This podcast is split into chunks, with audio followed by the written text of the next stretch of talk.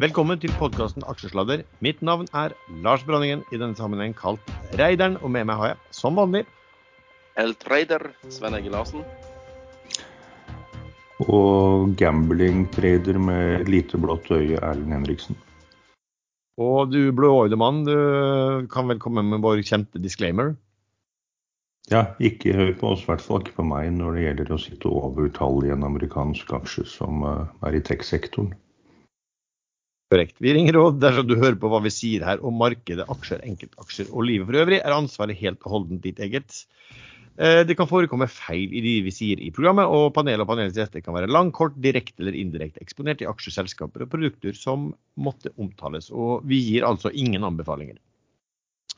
Sven, eh, jeg så bare nå før vi gikk i eh, sending nå, det har vært en veldig veldig sterk eh, uke i markedet. altså uh, Hovedindeksen i Oslo opp 4% DAX i Tyskland opp 6% Nasdaq opp 7% SMP 500 opp 6% har du, har du fått med deg mye av dette her i din uh, trading i uken?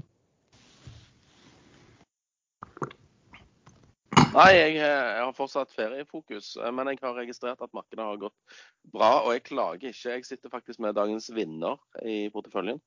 Uh, så det er jo positivt. Men jeg har ikke gått tungt inn i aksjemarkedet, hvis noen skulle forville seg til å, å, tro det.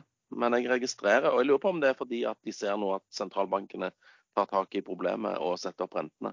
Det kom jo litt, en liten overraskelse fra den europeiske sentralbanken når de satte opp med 0,5% og istedenfor 0,25. Nå er jo fortsatt renten null der, da, og realrenten er 8, 8 eh, så de har jo fortsatt et stykke igjen. Men eh, jeg registrerer òg at, det at det er en viss optimisme her. Men hvor lenge skal dette vare liksom, før, eh, før motstykket, altså motsatsen, resesjonen, begynner å, å, å, få litt følger på, på kjøpekraft og, og, sånne ting. Nei, jeg har ikke peiling. Men uh, jeg klager ikke. Jeg syns det er veldig greit at det ikke faller sånn kjempemasse midt i ferien.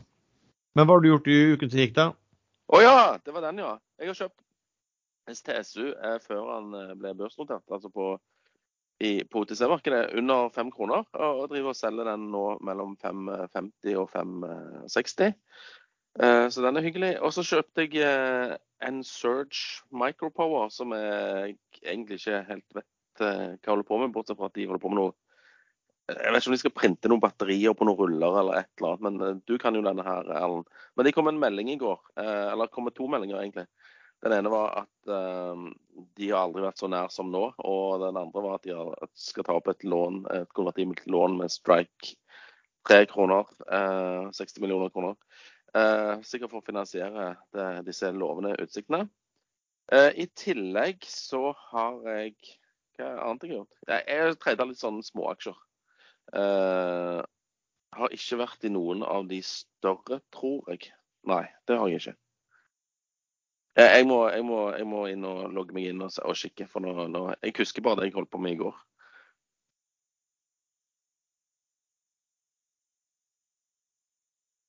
Hallo?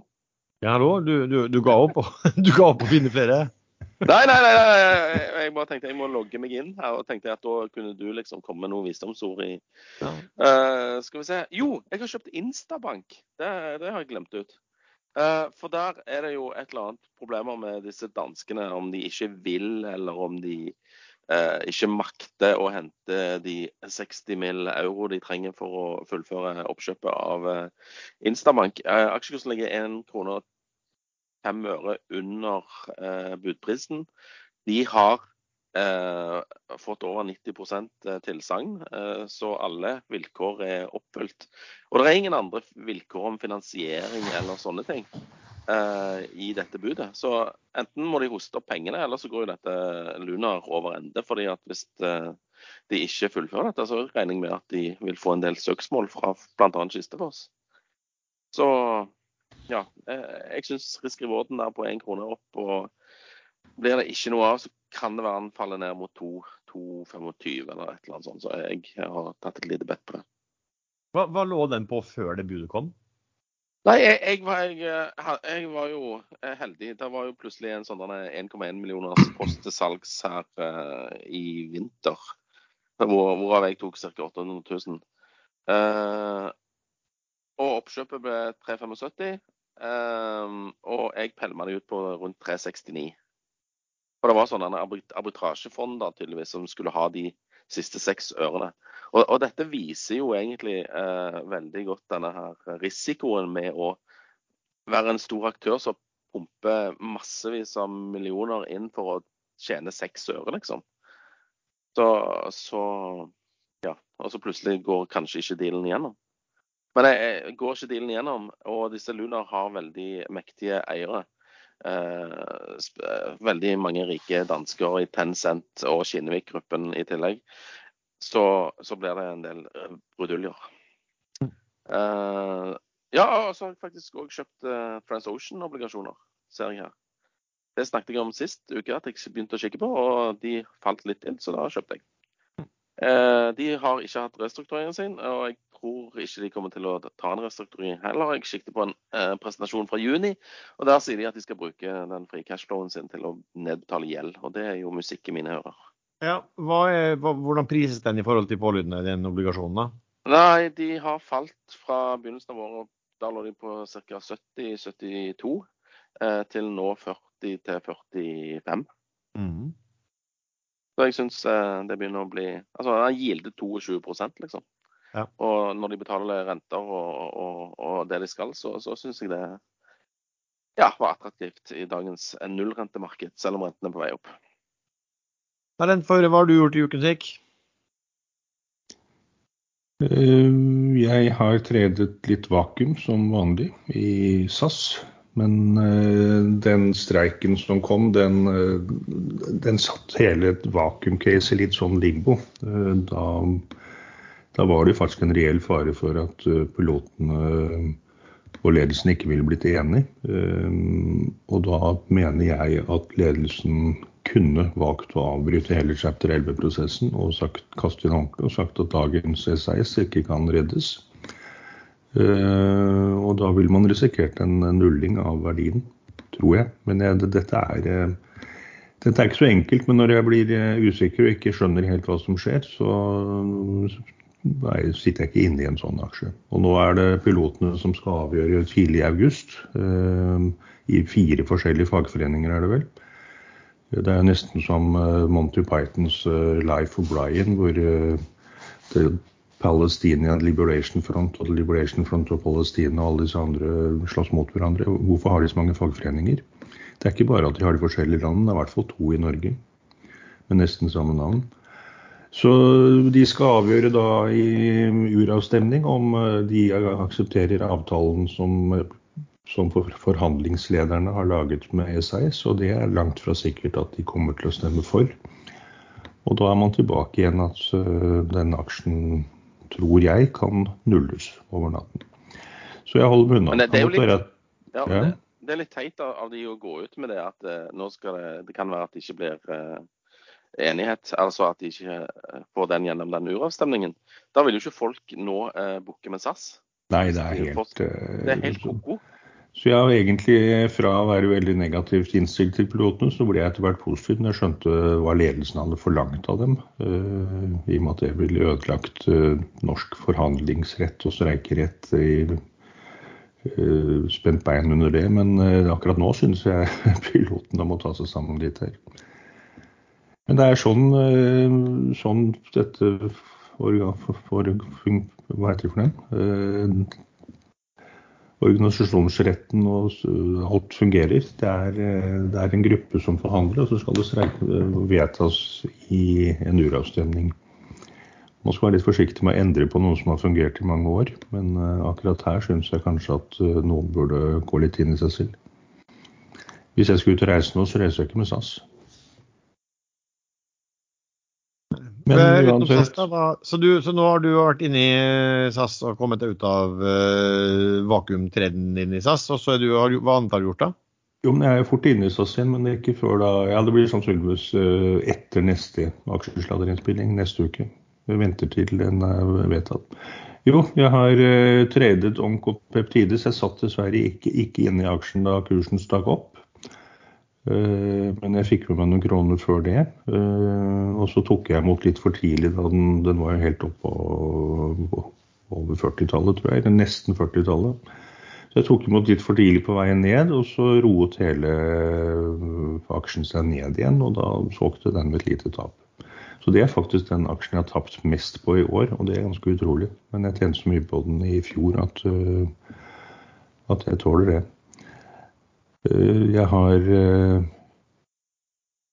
Utover den så har jeg Jo, i går gjorde jeg en en ting jeg veldig sjelden gjør. Eh, ren gambling, spekulasjon på at, eh, på at Snap eh, skulle levere over konsensus. For de var jo, konsensus hadde jo gravd seg et digert hull i bakken og lagt forventningene helt i bånn av det hullet. Og kursen gikk ganske godt opp de siste dagene før tallene kom, og helt fram til tallene kom.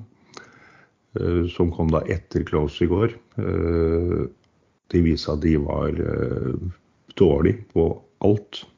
Omsetningen var vel så vidt litt høyere enn konsensus, men earnings per share var minus 0,2 dollar istedenfor minus 0,1 dollar. Det er jo faktisk dobbelt så ville. Og så Antall brukere er en grei stigning. Det var som konsensus, men de ville ikke guide framover. Og de er jo seg selv veldig dårlig. Så her er ligger det an til at, eh, at de, de, tror markedet De vet vel delvis allerede at markedet er eh, møkka dårlig nå for eh, den type aksjer.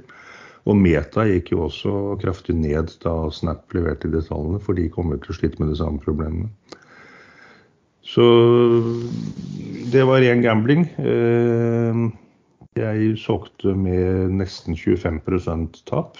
Men bare sånn for å presisere, dette var ikke et større beløp enn at jeg også kunne tapt alt uten at jeg i morgen eh, ikke kunne gå til butikken og handlet mat. Det, det var en morotrade som ikke var endte moro. Så man skal aldri gå giret og all inn i sånne ting. Og det er jo der folk ryker helt ut av uh, markedet, fordi de girer investeringer som kan gå galt. Og da kan de tape mer enn de satset. Så litt småting utover det. Jeg økte økt Hyan, faktisk. Ehm, den er nå min long-aksje. Det er mange uker siden jeg kjøpte de første. Ehm, det tilsvarende selskap, ikke jo egentlig tilsvarende Hynion i Sverige, de fikk 61 millioner i statsstøtte eh, her om dagen og gikk kraftig opp på det. Det var, eh, var så vidt litt under market cap på selskapet. Ja, Altså, det er hovedsakelig det jeg har drevet med. Ja. Men tilbake litt jeg, ja, ja. ja, Du er sikkert samme spørsmål. Eh, kanskje, muligens. Eh, hvordan klarte du å rote deg inn i Snap, og hvorfor ja. valgte du den? Ja. Eh.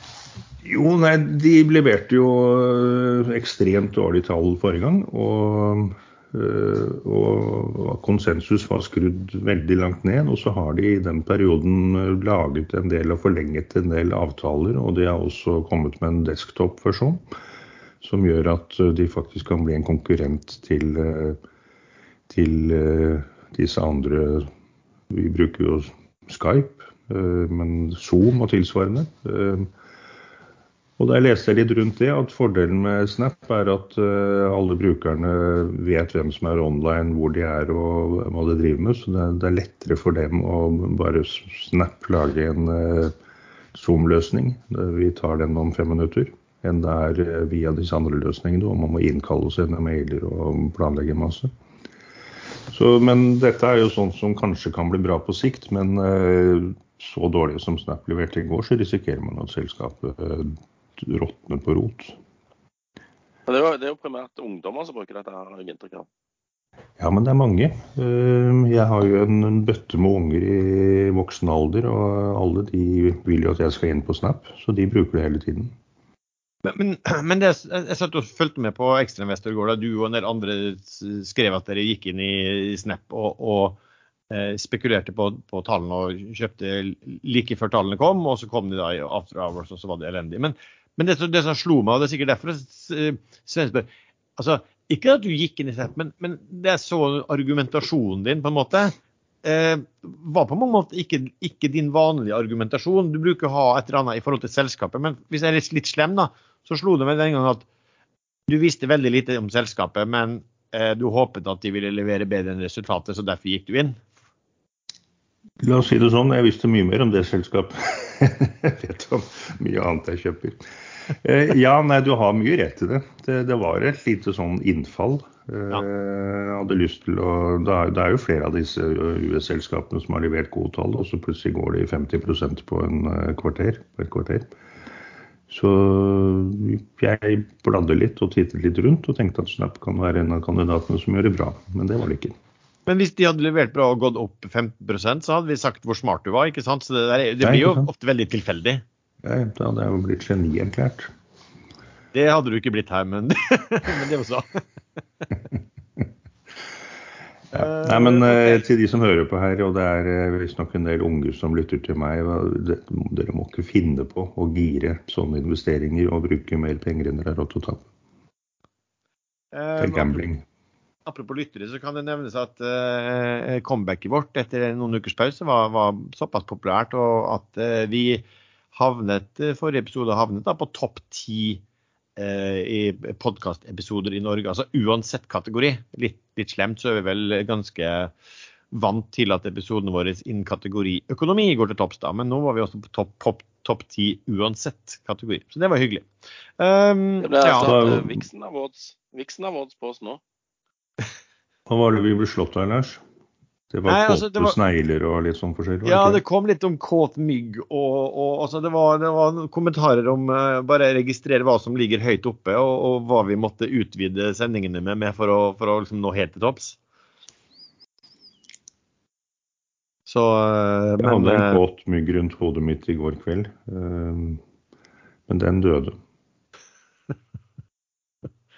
Ja, jeg vet ikke om akkurat den uh, historien uh, får dratt oss noe spesielt videre opp i, uh, i nye, nye, lytterkretser, men vi, vi, vi, får se hva vi kan finne på.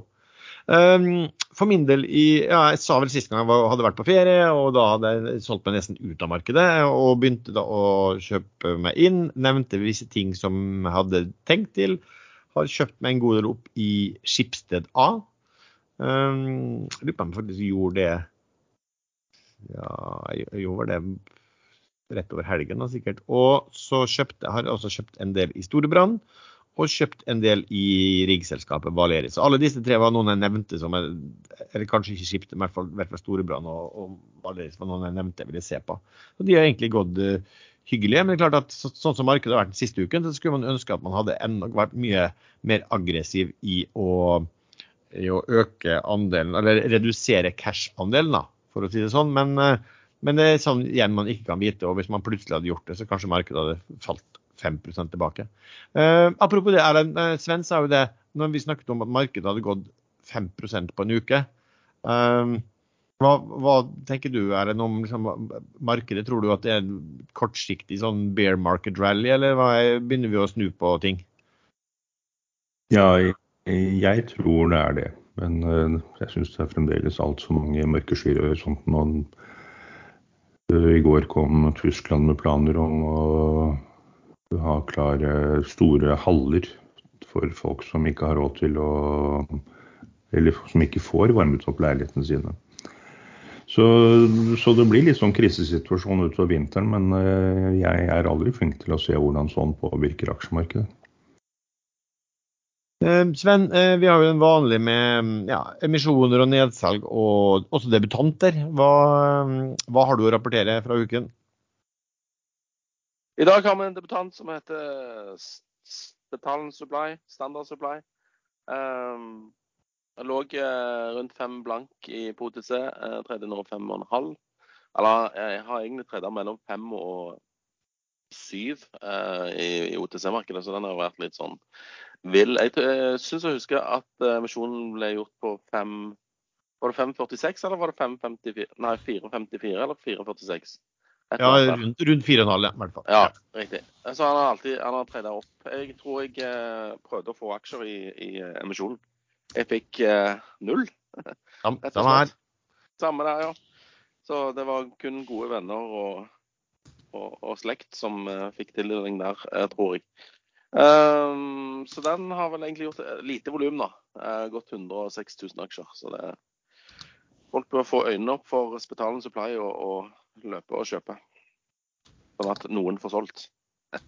Yes. Eh, og så har vi ADS, eh, denne her um, tank, gamle tankaksjen som har delt ut alle pengene. Nå skal de hente penger igjen, for de skal ut på nye eventyr og kjøpe andeler i skip eller ja, i hvert fall innen shipping. Eh, blir gjort fastpris 210. Eh, største eier, Bjørn Tore Larsen, som òg er Norse eh, Atlantic eh, har garantert for hele emisjonen. Så den tror jeg ikke gidder å bli med på.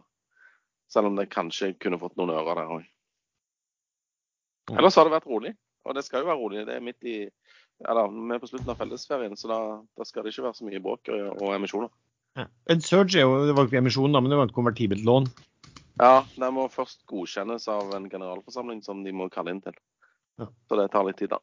Men der er det òg mulig å tegne seg. Det var bare å ta kontakt med en advokat og en styreleder, så kunne du være med i boka. 5 eh, rente, konverteringskurs 3 blank. OK. Uh, nå er, jo, vi er jo inne i rapporteringssesongen, godt inni også. Uh, Sven, har du noen sånne reaksjoner på hva du har sett av tall hittil?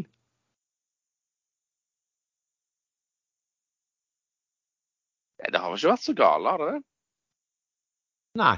Slett ikke. Jeg har, jeg har ikke fulgt med sånn 100 i og med at jeg er fortsatt i feriemodus. Men jeg så akkurat det kom Snap cut to neutral from buy by Goldman Sachs. Den er vel ned 30 nå der før børs. Target cut er 12 dollar. Den handler vel litt under der nå. Og så Jeg vet ikke om dere hører den meislinga her, men uh, det er noen spanjoler som uh, jobber iherdig med å få rensa noen kummer her i nabolaget. Nei da, vi hører ikke det, så det blir bra sånn. Men også, jeg bare tenkte på tall. En ting som er registrert, er sånn, sånn større industriselskap sånn som Elkem, Norsk Hydro, Norske Skog og sånn, har jo kommet med noen kjempetall.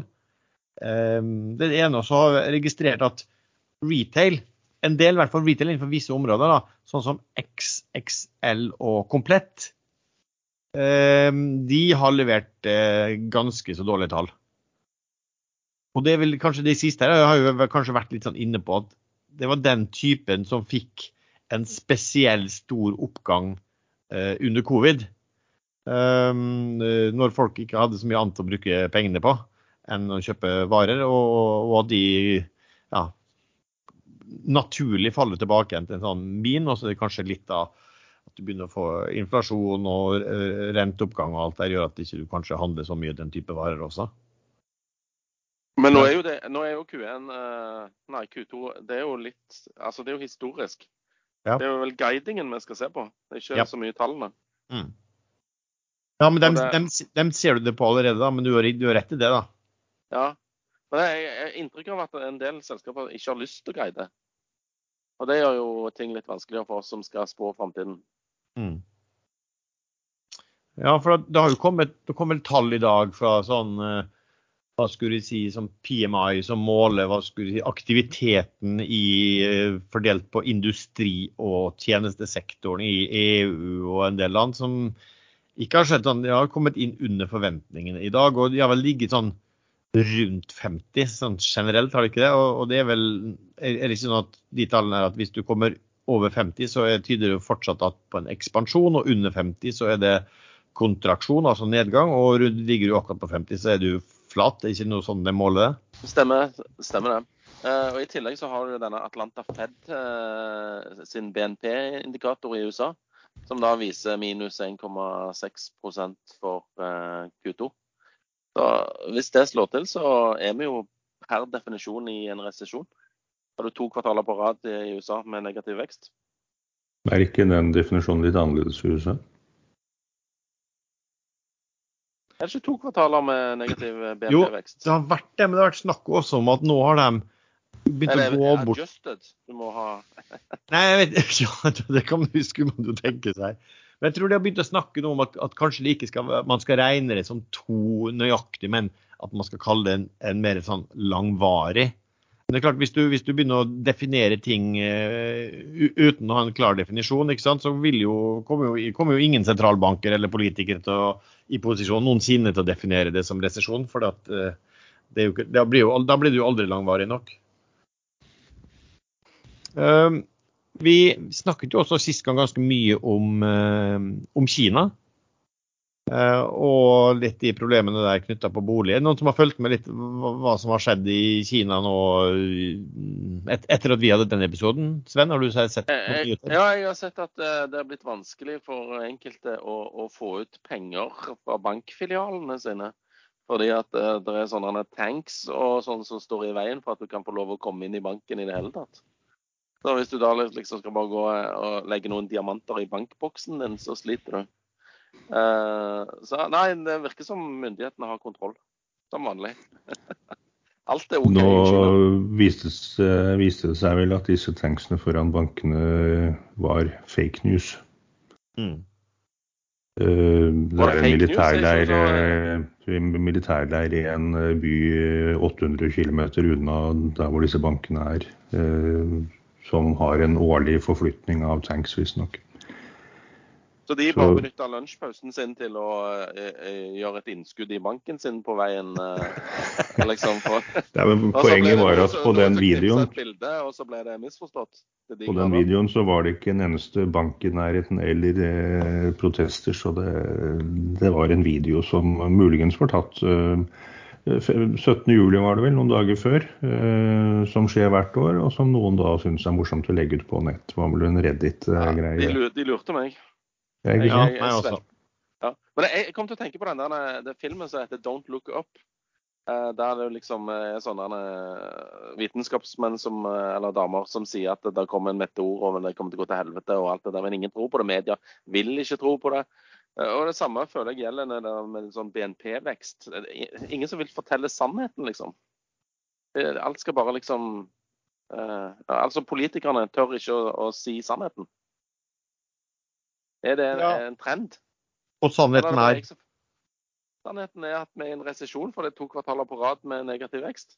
Det har alltid vært sånn. Hvorfor skal du begynne å endre på det nå? Ja. Men bare kort til bankkrisen i, i, i Kina. Um, ja, Men du sa jo at det ikke var bankkrise? Jo, det er det jo. Det er ikke noen tvil. Det er mange banker som Du sa at uh, det ikke jeg sa bare at, det var, det var tanksen ikke er oppmarsjert utenfor, sa jeg. Oh, ja.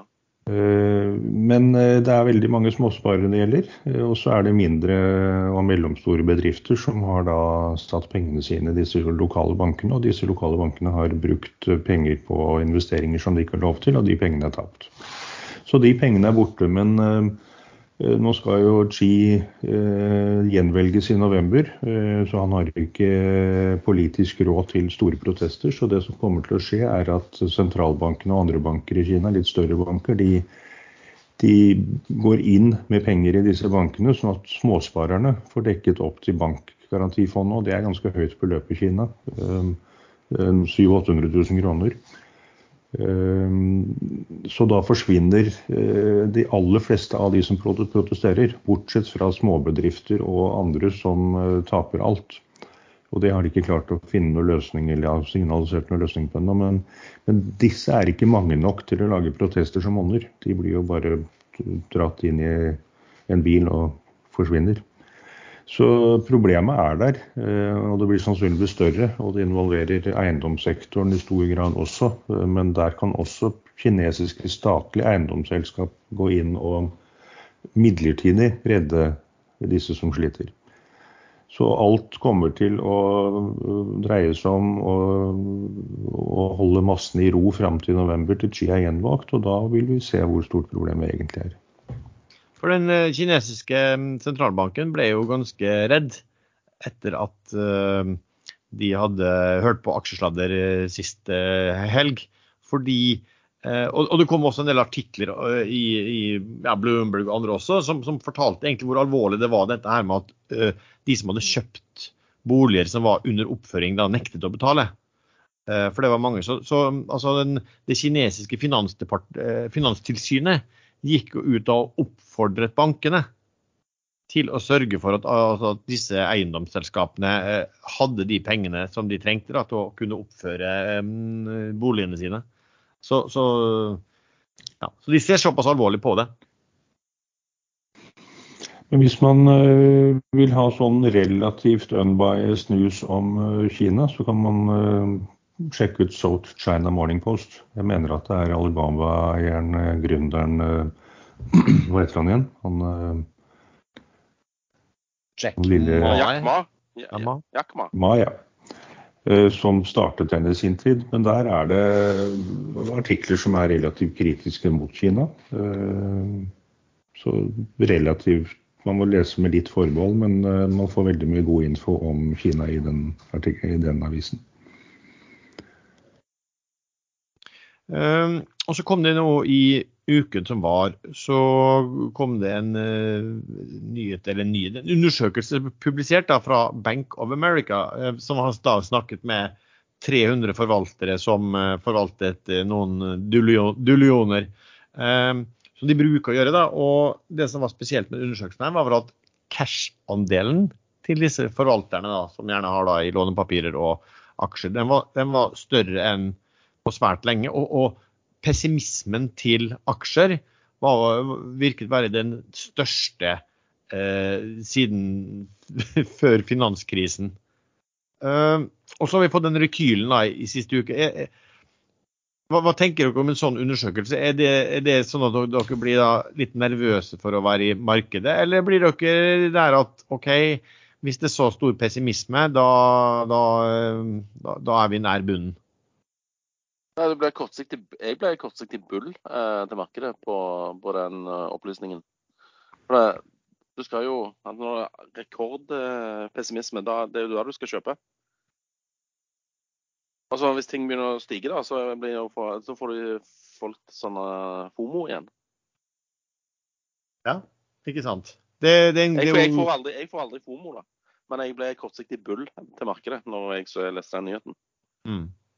Og Det så jeg det var en del andre sånne forvaltere også som, som kommenterte den undersøkelsen. at når, det, det, ja, da, når det begynner å bli færre som kan bli pessimistisk, for å si sånn, og flere som kan bli optimistisk, så, så, så kanskje det er tidspunktet for å begynne å vekte, vektes opp. Og Det tror jeg han var ute og sa, han der Howard Mark, som vi nevnte også i forbindelse med Golden Energy, at altså, det fondet hans, Oaktree Capital, eh, hadde gått inn der med noe lån, så, så, var vel han ute og sa også nå at de begynte å kjøpe noe, for nå så de en god del gode kjøp. Men Sven, jeg er sykt redd for at vi nå får kritikk for å drive med ho homohets på, ekstra, nei, på aksjesladder. Du, du, du, sa du slukte F-en, så det er ikke alle som hørte at du sa FOMO. Hva betyr det? No homo, det du sa? Nei da. Fair of missing out. Dette vet uh, sikkert 99% av, uh, av lytterne allerede. Du pleier jo å få litt FOMO. Jeg, jeg, jeg Nei, det, er, det, var først etter at jeg sluttet med FOMO at jeg begynte å tjene penger på aksjemarkedet. Det, det har egentlig hjulpet meg at når man får veldig veldig lyst til å kjøpe fordi kursen stiger, det er da man burde solgt hvis man har aksjene. Ja, jeg har, ja, jeg har en litt annen tilnærming. vet du, fordi at uh, Aksjer er jo, blir mer og mer populært dess dyrere prisen på de blir. Og Det er jo ikke sånn i den uh, virkelige andre verden, liksom. Du kjøper ikke 10 kilo med Norvegia-gulost når uh, han koster 120 kroner kiloen. Du venter jo til han er 79,90. Altså, Folk ja. kjøper ikke mer og mer ost når desto dyrere osten blir. Da Nei, nei. klager jo folk i media hele tiden Ja. at eh, det er blitt altfor dyrt. Og strøm, samme strøm og diesel og alt. Folk, eh, men når det gjelder aksjer, da jubler de når ting blir dyrere. Ja, så er det en eh, feil til. Når, når de da har kjøpt, eh, så hiver de fort ut når det har blitt enda litt dyrere, istedenfor å holde det som faktisk eh, går. Nei, eh, jeg kan godt kjøpe noe som stiger, men da er det fordi jeg eh, ser en eller annen fundamental eller vakuumgrunn til at det plutselig eh, stikker rett opp, og da går det ofte videre. Um, så har det jo da vært eh, møte i den europeiske sentralbanken denne uh, uken her med litt eh, beslutninger. Hva, Sven, hva fant de ut? Nei, de, eh, jeg, jeg snakket jo så vidt om dette litt tidligere. Eh, De økte styringsretten med eh, 50 basispunkter mot forventa 25. Og så innførte de et eh, nytt program som er en slags quantitative easing igjen, da. Eh, De skal jo egentlig holde på med det motsatte. Så dette TPI. Eh, jeg vet da søren hva det betyr, men det var noe at de kan hjelpe noen land som har problemer med et eller annet. Dette kan sikkert du mye bedre enn meg. Jeg syns de surrer litt rundt. Men signalene nå er at inflasjonen kommer til å være høy lenge, og vi skal gjøre mer for å, å, å få den ned. Og hun der Christine Lagarde med Gucci-veskene sine. Så nei.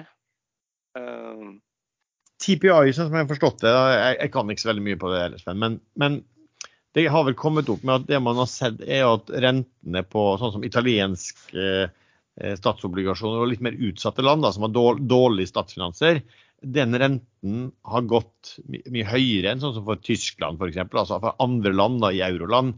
Og TPI er noe de skal bruke for å redusere eh, forskjellene.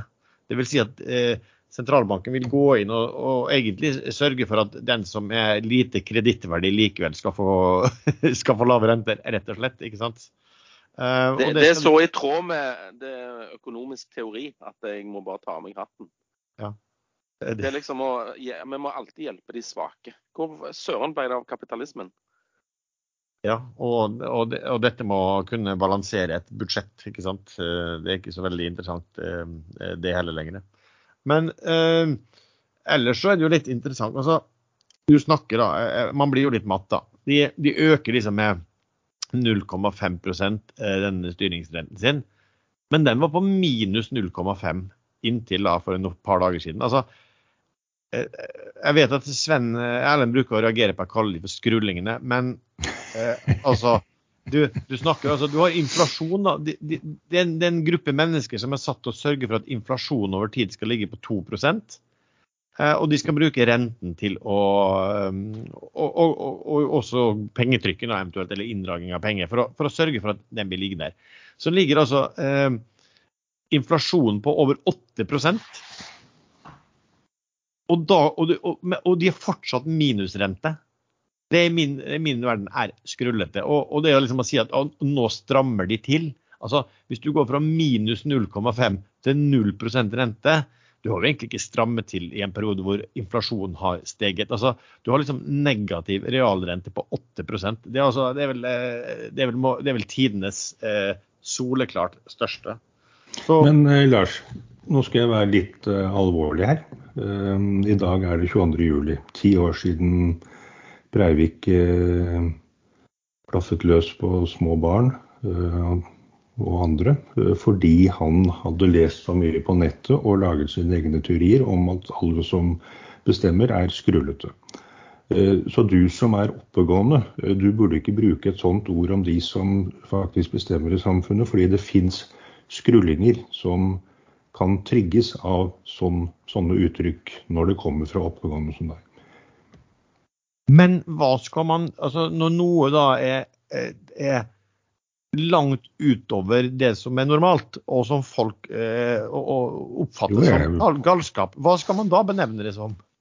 Nei, men det er, Tullinger, kanskje? Du er så oppegående, så du må klare å finne et annet ord, eller uttrykk, enn, enn noe som faktisk gjør at politikerforakt og all mulig annen forakt bare øker og øker i samfunnet. Det, det, ja, det er sant. Men, ja, men det her er jo ikke politikere, det, kan man si. Nei, dette er jo embetsmenn. Men, eh, nei, men hva skal vi kalle det? det? Det er jo ikke lov å si noe negativt om noen lenger. Ja, altså, eh, jo, et sånn eh, slenge ut et ord og uttrykk i ny og ne men når det blir en sånn trend at uansett hva de gjør og uansett hvordan de reagerer på en krise som ingen av oss egentlig vet hvordan man skal løse best mulig, man må bare ikke lage en sånn fast uttrykk på at politikere er idioter eller skrullringer eller hva som helst. Ok, Har du eh, A. Eh, mottatt penger, eller to eh, mottatt trusler? Erlend, ja, du, du, trenger ikke svare ja eller nei på noen av dem, men du kan rekke opp hånden, sånn at vi ser det. Erlend har blitt veldig lite kredittverdig, så han tror at ECB skal gå inn og jevne ut hans uh, lånerenter nå. Ja, TPI, Han eh, bare venter på TPI-en sin. Jeg skal flytte ut til Danmark. Der satte de også opp renten med 0,5 til minus 0,2 Ja, det, er jo også en skam, vet du. Men, eh, men eh, akkurat i dag så, så, Russland de eh, senker renten i dag fra 10,5 til 8. Ja, man begrunner det gjerne. De, de, de senkte med 1,5% mening fra, til 8 blank. Og Det sier at inflasjonen i 2022 skal være 10-15 og i neste år hva var det sto 5-7 Og de utelukker ikke ytterligere rentekutt. Så de ligger de ahead of the curve, liksom, føler jeg. Jeg så et rykte i går, men jeg presiserer at det er et rykte om at noen begynner å frykte. Man kan jo kanskje bruke et annet uttrykk når man er i Vesten. eh, At det blir bankrønn eh, i Russland. At de, de sliter med å betale ut penger til folk som vil ta ut penger. Har dere hørt noe om det? Nei, men jeg så, jeg så et bilde med noen tanks som var lina opp ut forbi noen banker i, i Moskva. Vet. så, Men det, det, er mulig at det var bare en militæreksersis 800 km unna. eller et eller ja, annet. nei, de stakk innom i lunsjen for å sette inn sine oppsparte midler. det rare med det, jeg.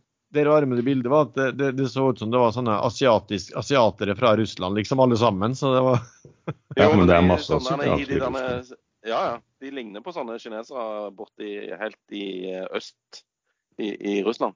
ja, ja. Så det kan være all slags dette her. De ligner på sånne kinesere. Homsehets, og det er ikke måte på hva Ja, men, det- Vi, vi er kommer til å bli sånn rødmerket, hva heter det for noe? Ja, men- RT-rating. ja, men dette er måten å komme seg opp på listen på, menes menn i hvert fall. Ja, sånn. Nei, men altså, Hvis alle skal bli så jævla politisk korrekte, så gidder ikke jeg å være med på dette mer. fordi at eh, Vi må være en slags motvekt til, til dette kunstige, rare eh, I'm offended. Ja, Eh, Krenk, krenke. ja, krenket. Alle er jo krenka. men, ja, men vi er også litt krenket, da. Vi har jo sagt det før. At ingen har reagert på hva som har blitt sagt her. På, på, Nei, sånn, det, Vi kan jo si hva faen vi vil, og det skjer ingenting.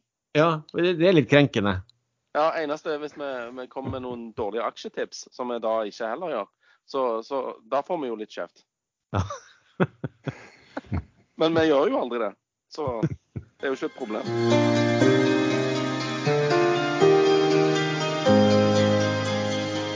Og så over til vår hovedsponsor Skilling, som er en skandinavisk eid CFD-megler. Skilling tilbyr lynrask handel i norske og globale aksjer, indekser og ETF-er, olje og andre råvarer, valuta og mer enn 50 forskjellige kryptovaluta. Skilling har en rekke, forskjellige handelsplattformer og trading-apper. Skilling Trader, Metatrader 4 og C-Trader. Du åpner konto med bank-ID, og alt kan handles med eller uten giring, long eller short, til meget lave kostnader. Skilling har nylig nærmest fullstendig fjernet spreads på kryptovaluta, samtidig som de nå også tilbyr kryptohandel uten giring. Spread på bitcoin er eksempelvis bare en halv dollar, og enda lavere på de andre 50 pluss kryptovalutaene som Skilling tilbyr. Med i praksis ikke-eksisterende spredder og en kryptokurtasje fra bare 0,1% er Skilling nå sannsynligvis den desidert billigste kryptomegleren på markedet. Dette blir spesielt merkbart sammenlignet med tradisjonelle kryptobørser med til dels store vekslingskostnader. Bruker du Skilling til å trede CFD krypto uten giring, betaler du heller ikke renter. Som sagt, Skilling tilbyr kurtasjefri handel i nærmest alt av finansielle instrumenter til veldig konkurransedyktige priser. Skilling har kundeservice på norsk og industriens laveste kostnader på kryptohandel. Sjekk ut skilling.no om du ikke allerede har gjort det, og åpne Skilling-konto med bank-ID. Risikoadvarsel. 66% av ikke-profesjonelle kunder taper. Fullstendig advarsel på skilling.no, og kryptotrading er ikke tillatt for britiske kunder. Og lenken til Skilling finner du i beskrivelsen til denne episoden.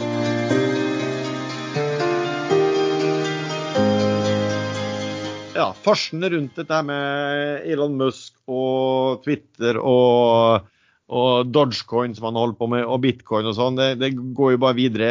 Erlend, har du noe update på hva som, hva som skjer i forhold til Twitter og Tesla-tall og alt det der? Nei, der var det jo litt sånn ramaskrik eh, la jeg merke til fra noen på ekstrainvestor. Mente at tallene var veldig dårlige, men så var det et par andre som jeg vet er flinke, til å, flinke tallknusere, som sa at dette var ikke så gærent i det hele tatt. Eh, Og det salget av bitcoin, det var jo ført tydelig opp i regnskapet. 936 millioner dollar eller noe sånt nå. Eh, Så eh, at Tesla velger å selge bitcoin som de har kjøpt som de sikkert ikke burde kjøpt for å få mer cash inn i selskapet, det er jo relativt sett en ganske smart handling, vil jeg mene. Men man må jo også sammenligne Tesla med alle andre bilfabrikker rundt i verden. Hvilke andre går bra? Hvor mye er det Ford har falt med det siste halve året f.eks. kursmessig? Godt begrunnet. Det går jo, det går jo mildt sagt dårlig. Så tallene til Tesla var i henhold til en del tallknusere jeg leste hva de skrev, så var det ikke så gærent i det hele tatt. Nei, men Cashflowen deres var positiv med 600 og et eller annet millioner dollar, hvorav 936 millioner dollar kom fra salg av eh, bitcoin. Ja, ikke sant. Men så har så vi jo chip-problemer, og så har vi det er jo masse disruptions, og Tesla sliter med det samme som alle andre. Varelagrene øker, for de, ikke, de, får ikke solgt bilene sine. I Kina er det et spesielt stort problem.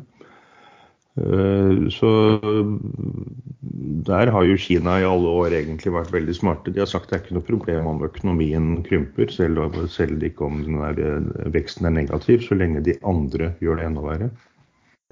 hvis du skal se etter da, om selskap driver litt sånn uh, regnskapsjuks, så skal du prøve å se altså, Du skal selvfølgelig se på cashflowen, men du skal også prøve å se på hvordan en del balanseposter utvikler seg i forhold til inntektene. Og Da er det gjerne altså, type kundefordringer og, uh, og varelager. Altså, du kan si at Hvis kundefordringene plutselig øker veldig, så er det jo tegn i forhold til omsetning, så er det tegn på at de kanskje har kunder som ikke kan eller vil betale.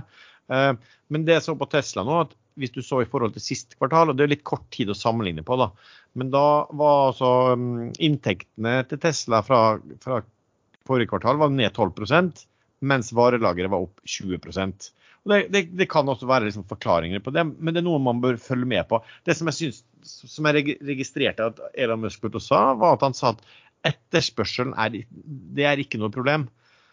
Og Det fikk meg til å skurre litt. For hvis ikke etterspørselen er noe problem, og varelageret ditt øker ganske kraftig mens salget har falt. Altså, eh, det er litt kort tid, da, men hvis jeg hadde vært analytiker, så hadde jeg følt veldig veldig nøye med på det tallet eh, ved neste kvartal. Ikke sant? For Skjer det to kvartal på rad, da kan man jo begynne å lure på om noe er litt galt. Så må du vel også splitte det opp i regioner. Eh, hvis det er varelager i Kina som øker voldsomt, så kan jo det være forårsaket av covid-nedstengninger. Ja da, men det var, det var, bare det at han sa at, at, etterspørselen var ikke noe problem. Det var ikke det som var noe problem, det var å få produsert nok.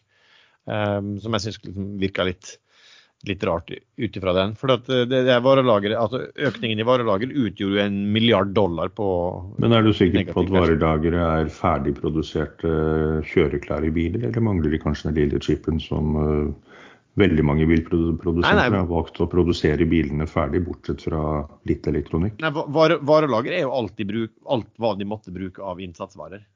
Ikke sant? Så Det er ikke det bare ferdig, det er jo alt de måtte bruke til, til å produsere disse eh, bilene. det. Mm. Så... Apropos Tesla, jeg så, jeg så, en Tesla X eh, i går her nede i gata i Spania eh, med norske skilter. Så eh, de må ha kjørt eh, langt og sikkert kjøpt billetter med SAS eller et eller annet sånt, eh, som de da ikke fikk brukt. Eh, det tar minst 39 timer eh, fra Stavanger og ned her. Kjøretid. Det er mye lade, kjøretid pluss ladestopp? Ja, ja. De har, de har sikkert stoppa, da. Du kjører ikke 39 timer. Altså, du må jo lade bilen. Må jo uansett stoppe, så det jeg har hørt, er at elbil gjennom Tyskland og delvis ellers i Europa er ikke noe problem lenger. Nei, det, er ikke noe problem. Eh, de har til og med fått uh, superlader her nede i Fungirola. Så du kan kjøre helt til uh, ja, Sør-Spania på Tesla-ladenettverket.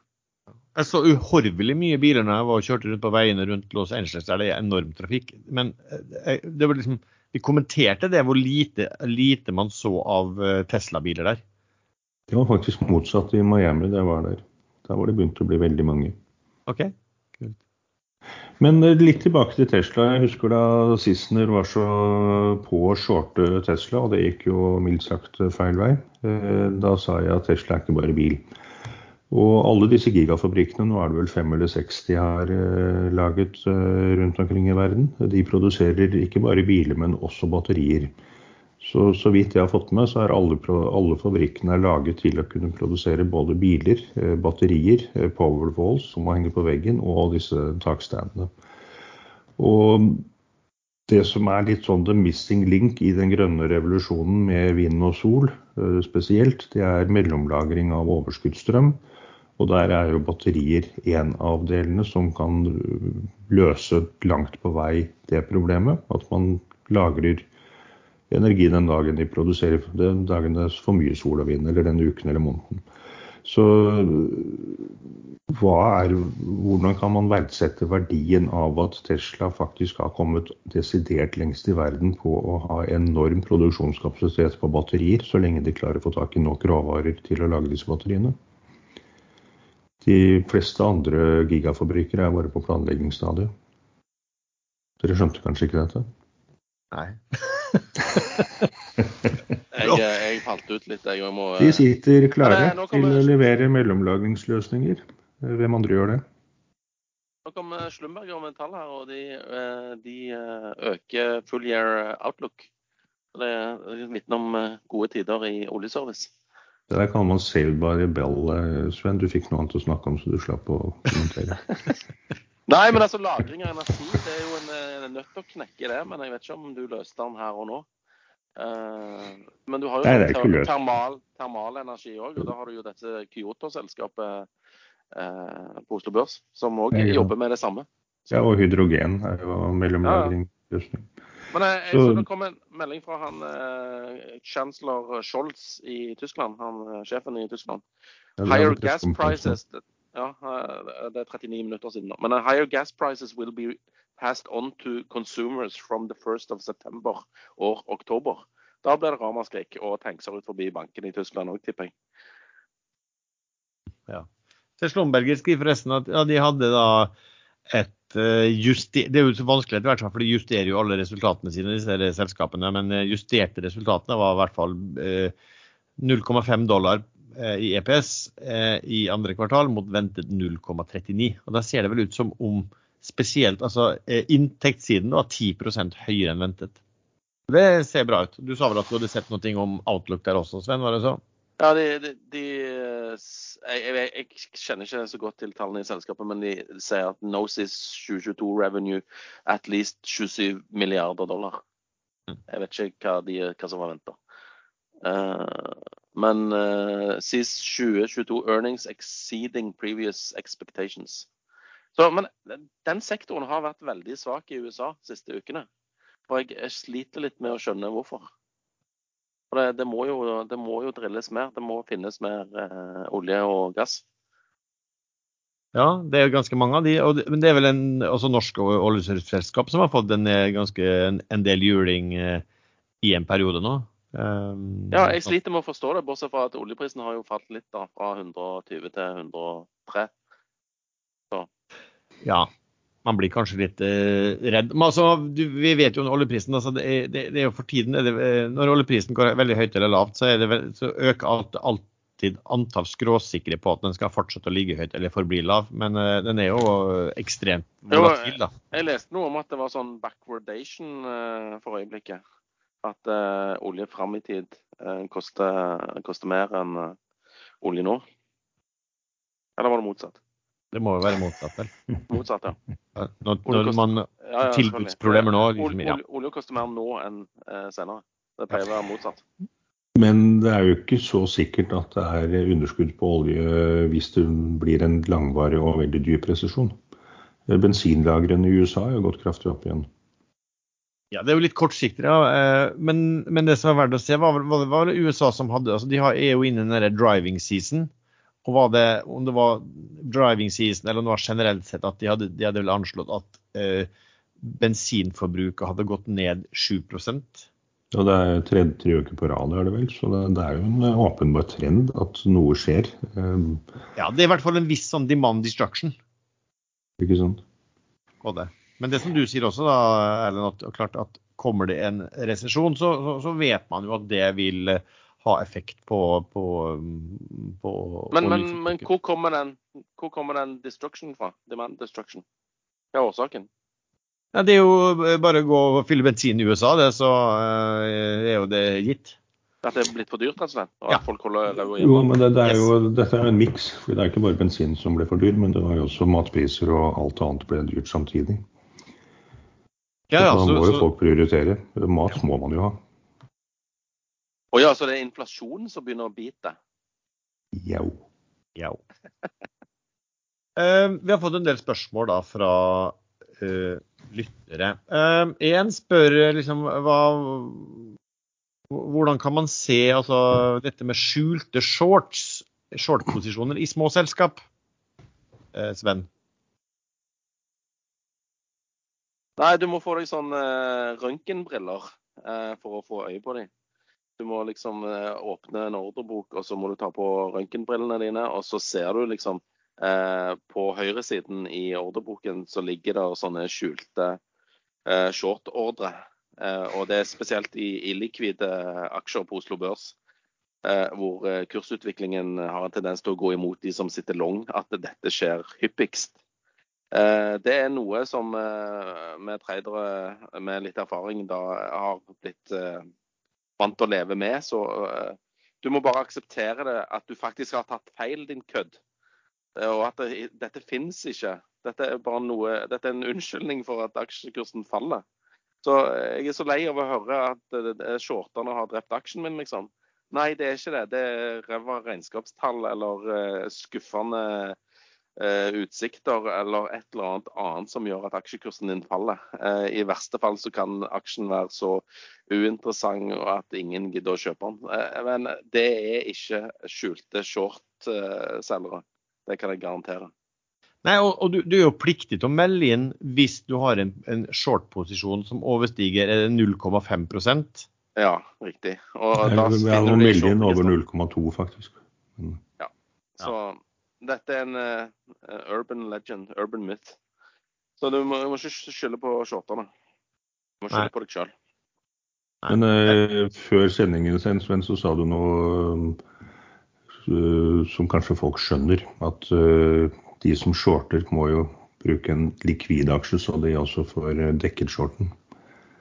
Ja, ikke sant. Fordi at shorter du en illikvid aksje, så, og plutselig det skjer mot all formodning at det skjer et mirakel og kursen stiger, så har jo den shorteren da et veldig stort problem. Eh, Men en annen ting er at i illikvide aksjer på Oslo Børs så får du ikke lånt aksjer å shorte. Samme hvor mye du har lyst til å shorte. Men uh, uansett, uh, mitt råd uh, det er å ikke shorte illikvide aksjer på Oslo Børs. Hvis du skulle finne på det. Ja, da har du fort et problem når vi vet hvordan aksjer kan gå på Nei, hvis Erlend. Henriksen plutselig finner ut at noen har shorta aksjen hans, så tar han jo bare øh, en Vollvik og kjører han opp 100 og så sitter du der med skjegg i postkassen. Ja. Eller, eller hvis du tror du kjøper uh, Hyon Hyon, og så ender du opp med å kjøpe hy, Hynion i stedet. Ja, eller shorte den ene og longe den andre, liksom, og så har du gjort helt feil. For det var, for det, for det var også et, et, et spørsmål her da på Det var jo Hyon i forhold til Hynion. Hvor, hvorfor kjøper folk feil aksjer som viser seg å være den rette? Det var et spørsmål fra den fine mann. Jo, men I forrige episode snakket jeg jo om eh, Hyon, eh, og da steg Hynion kraftig uka etter. Så denne episoden skal jeg bare snakke om Hynion, som jeg egentlig ikke kan noe særlig om, for da tenker jeg at Hyon eh, stiger neste uke. Det er to veldig for... Altså, jeg har jo noen Hyon som jeg har hatt eh, ganske lenge. Årsaken til at jeg har hatt det ganske lenge, det har vært crap. Men det, også. Eh, men det er alltid sånn at når jeg da så, så, så, ser liksom plutselig opp at oi, Hyon er på toppen av eh, vinnerlisten, så blir jeg eh, alltid happy i noen sekunder. Helt til jeg igjen kommer på at Hyn er ikke Hyon-aksjen, det er Hynion. Ja, Nå kikker jeg på topplisten her. Nå har en eh, Hyn gått forbi eh, Spetalen Supply. Nå hun, hyn leder i dag. Det er den du har, Lars, ikke? Uh, nei. Så er noe man begynt å tenke eh, nei. Nå, Snakk om å satse på feil hest. Ja. Kjøpe feil aksjer som viser seg å være den rette. Men det var vel noe med Hynion, var ikke det? Det er en at de, de hadde fått noen store tilskudd fra staten som gjorde at den aksjekursen har gått? Jo, der har det vært litt interessante spørsmål i chatten. Market cap, det er 55 millioner aksjer i Hynion. Det er det for så vidt i Hyon også, litt tilfeldig. Eh, Men Hynion, det svenske selskapet, de fikk eh, 61,5 millioner svenske kroner i statsstøtte. Og det var jo veldig nær market capen da de fikk det. Um, og da er det jo naturlig at kursen stiger på det. Um, og så kan man jo spørre seg selv uh, om, eller spørre generelt om, uh, om man kan bake inn en sånn statsstøtte i, som cash i et selskap. Dette er penger som skal brukes, og gjerne trigger det vel også at selskapet faktisk er forpliktet til å investere selv i tillegg til pengene de får. Så, så det kan fort komme en emisjon i et sånt selskap selv om de får statsstøtte. Det kan kanskje til og med trigge en emisjon. Hvorfor sier du at det er et svensk selskap? Det er jo Union AS. Er det det? Men, eh, de, har, de, ja, men de, har. Eh, de, skal bygge hydrogenstasjoner i Vesterås og Jönköping. Ja, okay, det, det er et eh, norsk selskap. Men det var svensk støtte de fikk? Ja, ja. Det, siden de skal bygge det i Sverige, så er det nok svensk støtte. Det hadde sett passe dårlig ut for politikerne i Norge hvis de hadde gitt eh, støtte til bygging av hydrogenstasjoner i Sverige. Vi har fått spørsmål om en surge. Um, Sven, du nevnte vel litt om det fordi at du hadde kjøpt det uten å være helt uh, klar over hva det var. Men eh, Erlend, har du sett noe nøyere på eller noe mer å tilføye i forhold til hva, hvilke meldinger de har kommet med? De gjentar vel det de har sagt tidligere eh, om levering av samples til kunder og har mange interessenter. Eh, jeg velger Jeg har ikke den akkurat nå selv. Eh, jeg velger for så vidt å tro på den historien, at, at ting stemmer. Historisk sett så har forløperen til, til en search, gamle Finn, der viste det seg at man kunne jo knapt tro på noe som helst av det de faktisk sa. Men jeg liker han CEO-en, så jeg, jeg, velger å tro at det stemmer. Men ting tar tid, og de har også hatt øh, De og kundene har vel også hatt problemer med markedet som det er nå, med leveranser av det ene og det andre. Men øh, de kombinerte den meldingen med at de nå snart har løst problemer og skal sende ut samples med et konvertibelt lån til eksisterende og nye aksjonærer på 60 millioner kroner var det vel, på konverteringskurs 3 kroner. Og det var jo det kursen sluttet på i går, da meldingen kom. Sånn cirka. Dvs. Si dagen før. For det, der, der, der, gjorde EndSearch noe som man aldri skal gjøre. De kom med den meldingen klokka 16.21. Da fikk jeg den tikken inn på min mobil, men da satt jeg i bilen, og det er forferdelig irriterende når man for en gangs skyld logger av før børsen stenger, og så kommer det da en sånn gavepakke innpakket i pent glanspapir servert når man fremdeles kan kjøpe i auksjonen. Ja, jeg kjøpte i auksjonen, da. Jeg kjøpte 60 000 aksjer. Og da fikk du på 3.13, det er 2.13, gjorde du ikke det? Nei, det var 3.13. Ja. I dag er den på Donald Duck. Men det visste du kanskje? Ja.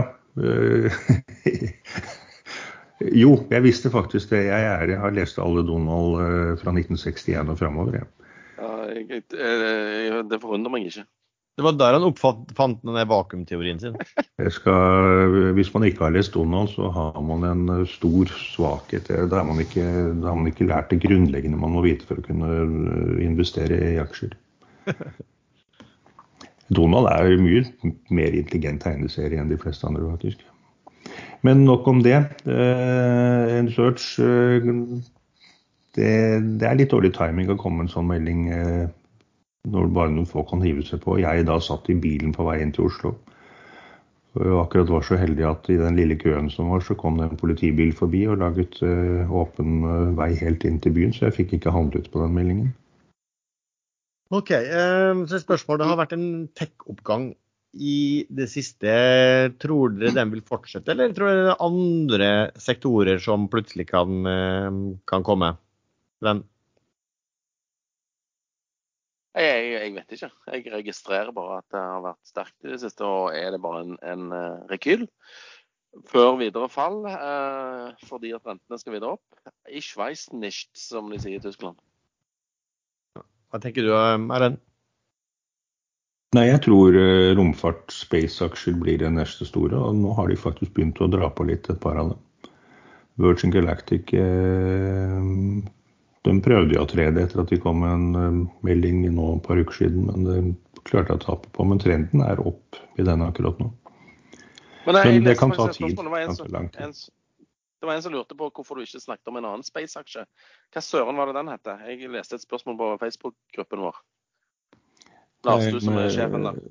Astra Space er en liten aksje, men de, de har hatt litt trøbbel etter at satellitten som skulle frakte en NASA-satellitt opp i bane, styrtet. OK, så det er bare dritt, det selskapet der? Nei, jeg vet ikke. Nei, men jeg bare tenkte på at vi kunne snakke ned den aksjen i og med at det er en som ville ha oss til å snakke positivt om den. Det var et sånn uh, shorteselskap som kom med en uh, sånn short på den okay. uh, for en stund siden, hvor de mente at det var uh, dødfødt prosjekt uh, for små satellitter eller for små raketter og litt sånn forskjellig. Men jeg vet ikke.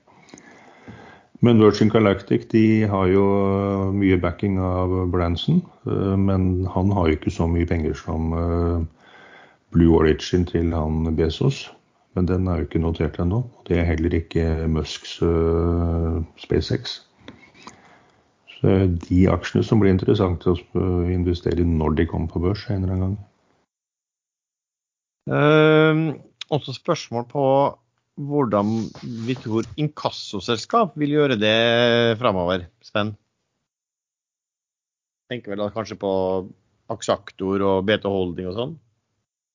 Ja, altså, eh, normal økonomisk teori tilsier jo da at når alt blir dyrere, renter går opp, og folk ikke har råd å betale regningene sine, så han der hva heter han der i Luksusvellen, sier, um, så kommer jo de til å få mer business. Men problemet er jo da at uh, de som ikke har råd til å betale regningene sine, de har jo ikke uh, så mye mer uh, penger til å betale inkassoregningene sine heller. Da. Så de, kommer til å få mer business, ja, men de kommer òg til å få høyere tap og nedskrivinger, vil jeg tro. Så, ja, jeg, jeg, tenker også det, men ikke litt om problemet med, eller problem, men, men disse såkalte inkassoselskapene på børsen er at eh, de er vel både slags bank og inkasso på en måte. Altså, hadde de bare tatt imot um, jobb fra kunder for å hente kreve inn pengene for dem, uh, så kunne jo det blitt veldig bra framover. For du kan anta at den mengden vil øke.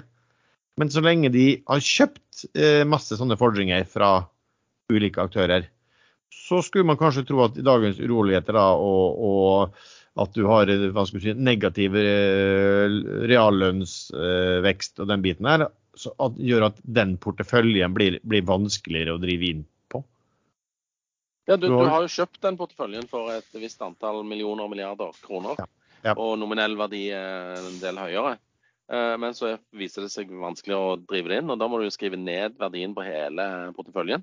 Mm. Eh, så ja, hvis de bare skulle drevet og, og krevd inn penger, så, så, hadde det jo vært egentlig en bedre sånn Asset Light-versjon, dette her. Ja. Det hadde sikkert gått mye bedre, for de hadde jo fått betalt av sluttkunden. Ja. Men var det ikke sånn at Axactor, eh, da det faktisk begynte å gå bedre med økonomien i Spania, er det vel de har den største porteføljen, så fikk de heller ikke inn pengene, for da ville folk endelig prioritere litt ferie og god mat og restauranter. Eh, så de betalte ikke inkassogjelden da heller. Ja, nei, det, det, er mulig. Jeg har ikke, sett, ikke fulgt med på det i det siste. Men, eh, men de, de, gjør det ikke noe bedre da i så fall også, hvis de har penger og så, enn de har penger. Så vil, kan, da vil de heller ikke. Jeg kan stikke ned i gata og spørre han som holder på med de kummene. Hva han mener om saken. Um, en spør hva vi tenker om å være med på emisjoner i unoterte selskap. Noe generelt syn på det, Sven? Ja, jeg er for å være med på emisjoner i all slags selskap, jeg bare tjener penger på det. Fordi jeg prøvde jo å være med i uh, Standard Supply, uh, som uh, skulle på unotert til å begynne med.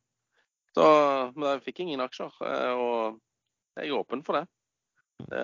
Men jeg liker helst at de er seriøse, og at de har en plan. Og at de med tid og stunder skal på en sånn på si skikkelig børs som Euronext Growth er. Eh, det var litt sånn merkelig i går. Eh, husker dere Borr? Den ble pausa i USA. altså Et kvarter etterpå så kom handlerne Jean-Pierre og pausa han i Norge. For det skulle komme nyheter. Ja, det stemmer det. Det var litt spesielt. Eh, så du meldte deg at det var pausa før, før, før Ja, det var et kvarter ca. Ja.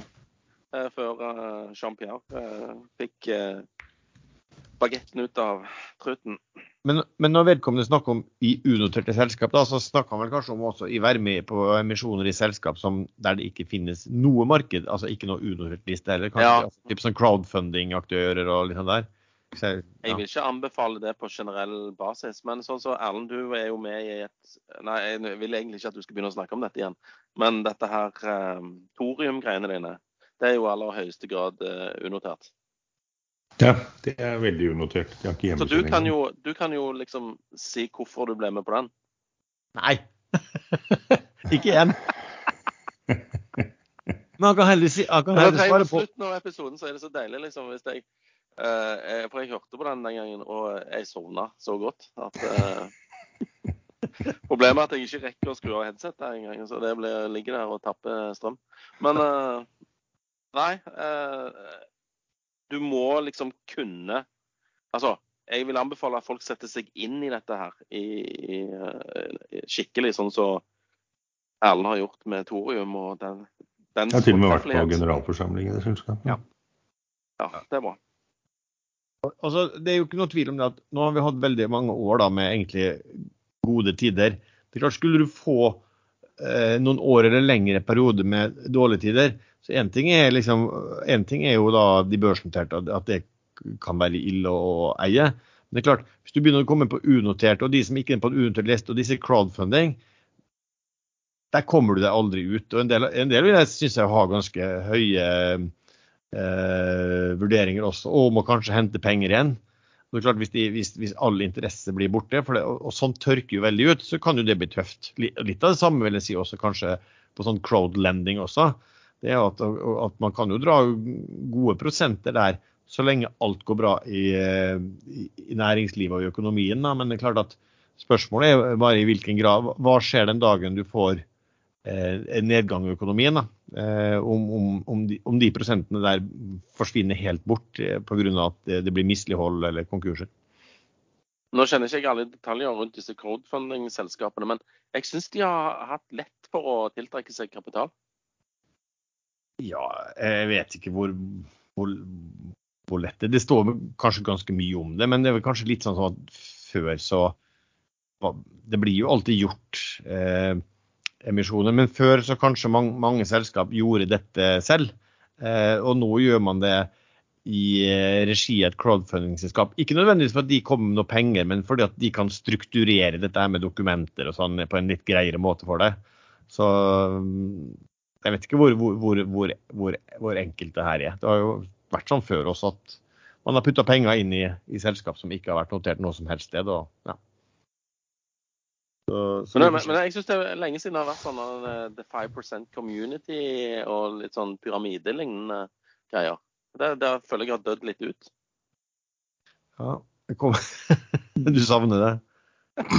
Nei, jeg savner vel heller de der uh, lykkelige historiene om folk som tapte alt, liksom. Det var flere det, sånne lenge etter 5% Community.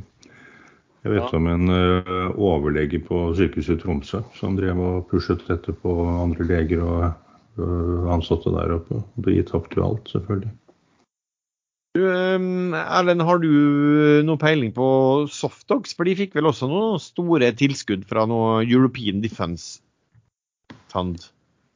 Ja, det, det, er jo faktisk ganske interessant. Men eh, nå må man jo se litt mer på Softox som eh, legemiddelutvikler. Dette er jo ting som tar tid. Det skal gjennom fase 1, 2 og 3. Men de fikk eh, utbetalt en relativt stor støtte, men den går over litt tid. Og den er selvfølgelig øremerket eh, utviklingen av det produktet, så det gir ikke direkte penger i kassa til Softox, så vidt jeg har skjønt. Så kursen har heller ikke gått så veldig mye på den meldingen, og det tror jeg er fordi det er en viss emisjonsfrykt i selskapet.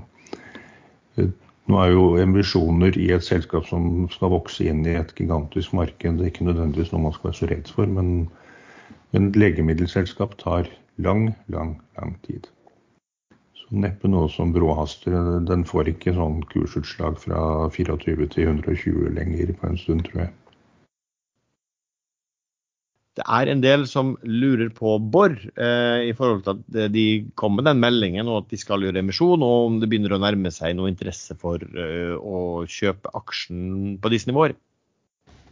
Hvor du skal vente til eh, vilkårene for emisjonen er publisert før du, eh, før du, går inn der. da. Men det som var positivt med gårsdagens melding, var jo at de hadde fått inn eh, en et uh, høyere lån i denne refinansieringen sin, sånn at emisjonsbehovet ble vel ca. 100 millioner dollar mindre enn det, enn det de så for seg uh, tidligere. Så det er jo en positiv ting, da.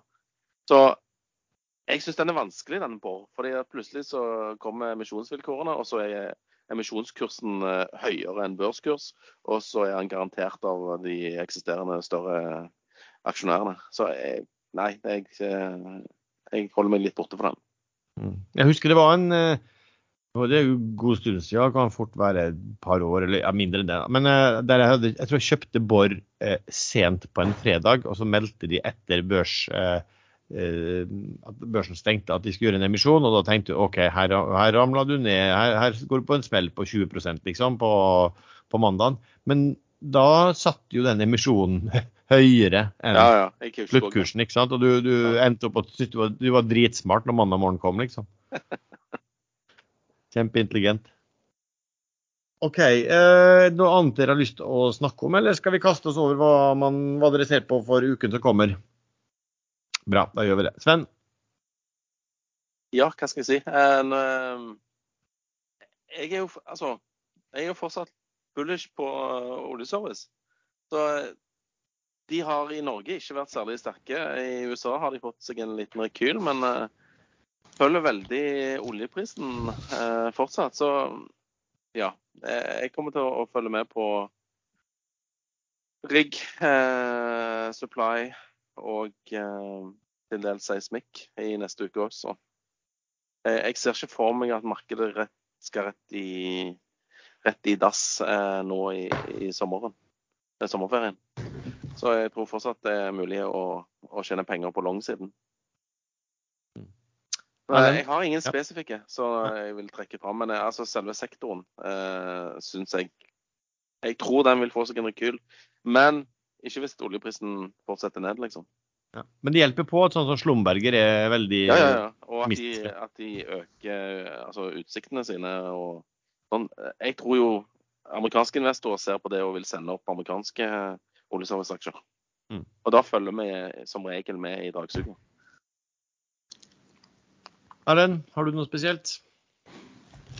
Nei, jeg, jeg, følger egentlig mest med på makrobildet. Eh, der har man jo problemer med at Russland har stengt ned Nord Stream 1, og nå har eh, den generatoren eh, blitt levert fra Canada til Europa, men Russland har ennå ikke godkjent importen av den, visstnok, var det sist som kom i dag.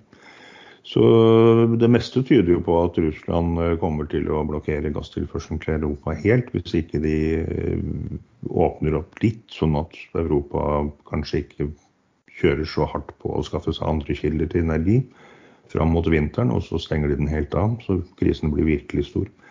Men eh, Belgia har annonsert i dag at de har eh, tatt første skritt til å ikke stenge ned i hvert fall én reaktor, var det vel.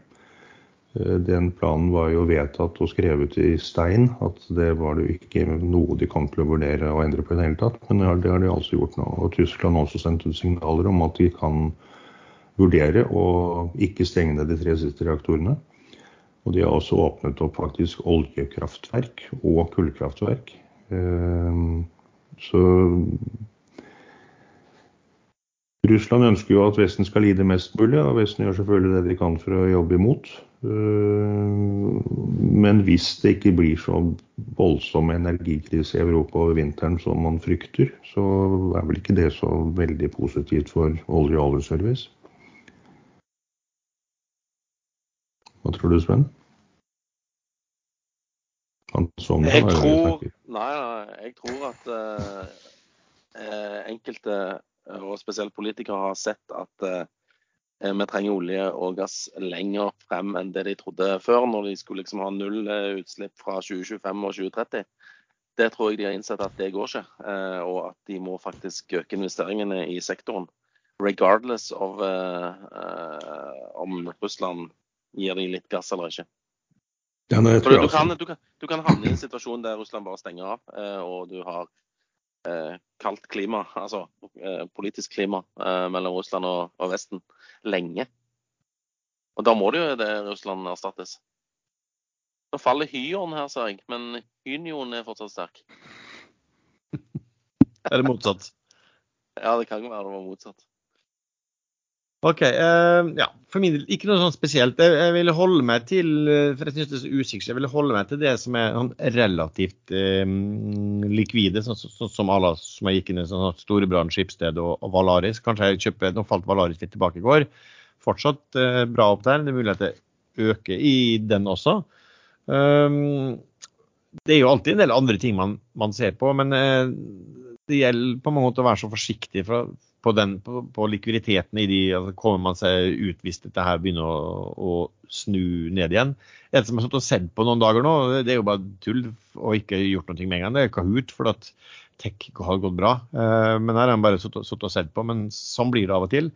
Eh, jeg tenkte jeg skulle nevne også én bare, eh, Jeg har jo eid Wilhelmsen ganske lenge. Bare nevne at det har jo vært stor optimisme, og en del av disse bilfraktselskapene har gått opp ganske kraftig nå i det siste. Jeg har selv vært litt inne på den Høg Autoliners. Men eh, Val, eh, Wilhelm Wilhelmsen Holding, altså VVI, de er jo da storeier i Valenius Wilhelmsen. Og Valenius Wilhelmsen er opp over 20% på børsen på ikke lang tid. Det tilsvarer ca. 50 kroner på VVI-en. Eh, i økt verdi, og uten at den har beveget seg eh, nevneverdig i, i den oppgangsperioden. Så, så, det er jo verdt å tenke på. Ellers så uh, har jeg gjort en sånn uten utregning i går bare på to selskap som jeg snakket om del om før. For jeg bruker jo av og til like å se på sånne investeringsselskap i forhold til rabatter. Og da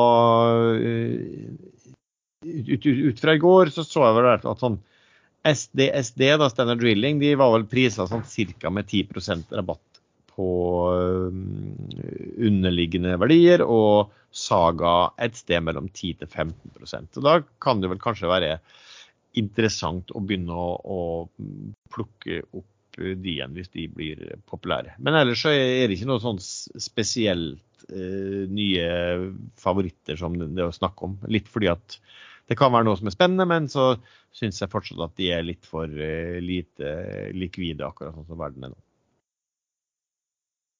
Men når du sier liksom at uh, eh, VVI-en har uh, lagga Vavien, ja. burde du ikke bare shorte Vavien og longe VVI-en, da? Jo, det er jo en måte å, Ta ut ikke... markedsrisiko. Ja, ja, ja, ikke sant. For det vi snakka om før. Det er typ sånn long short som kan være ganske god. Nå, nå eier jo VVI ganske mye annet. da, Si at, uh, at halvparten av VVI består av uh, verdiene i Valenius Wilhelmsen, uh, sånn cirka. Og Valenius Wilhelmsen-aksjene eh, utgjør sånn ca. 100% faktisk av børskursen i eh, VVI i dag. Da. Altså, det vil si at verdiene er, er ca. det doble av børskurs. Eh, eller litt mindre det dobbelte. Men det er helt riktig. Det, det er sånt som kan være interessant å, å, gjøre. ikke sant? Med selskap som kanskje har rabatt og som eh, eier mye av andre selskap. Det kunne jo være typ sånne DNO i forhold til Rak eller eh, Skipsted i forhold til Advinta. Eh, er jo også en uh, mulighet å gjøre det på. Og, og, Det var jo derfor jeg gikk inn i Skipsted også, bl.a. fordi eh, begynte å gå uten at Skipsted ble med på samme måte. Og så er det jo egentlig bare å henge med på, på turen eh, oppover, selv om du kanskje ikke har noen særlig oppfatning om hva, hva som er fair verdier. da. Men jeg vet jo hva som kommer til å skje hvis jeg shorter Vavi og longe VVI. Den Vavien kommer bare til å fortsette opp, og VVI-en kommer til å ligge der som en død sild. Jo, jo, men det er jo ofte det som skjer, ikke sant, også. Altså, så, så, det er jo ikke sånn at jeg, jeg, ser det, Nå eier jeg litt fra før, ikke sant? jeg ser det, og så, og så hiver jeg meg inn og gjør noe ekstra på det. For jeg, jeg vet at det her er ja, det, det, det, skjer av og til. Og, og, og liksom hva, hva, skal trigge at den Hva skal du si differansen hentes inn, det er jo ikke så godt å si. OK, da får vi vel takke til deg som har lyttet også til denne episoden. Du treffer oss tre stadig chattene inne på, på chatten på Ekstrainvestor. Eh, vi har også en gruppe på Facebook som heter podkasten Akersladder. Musikken er som vanlig laget av sjazz.com, og vi høres.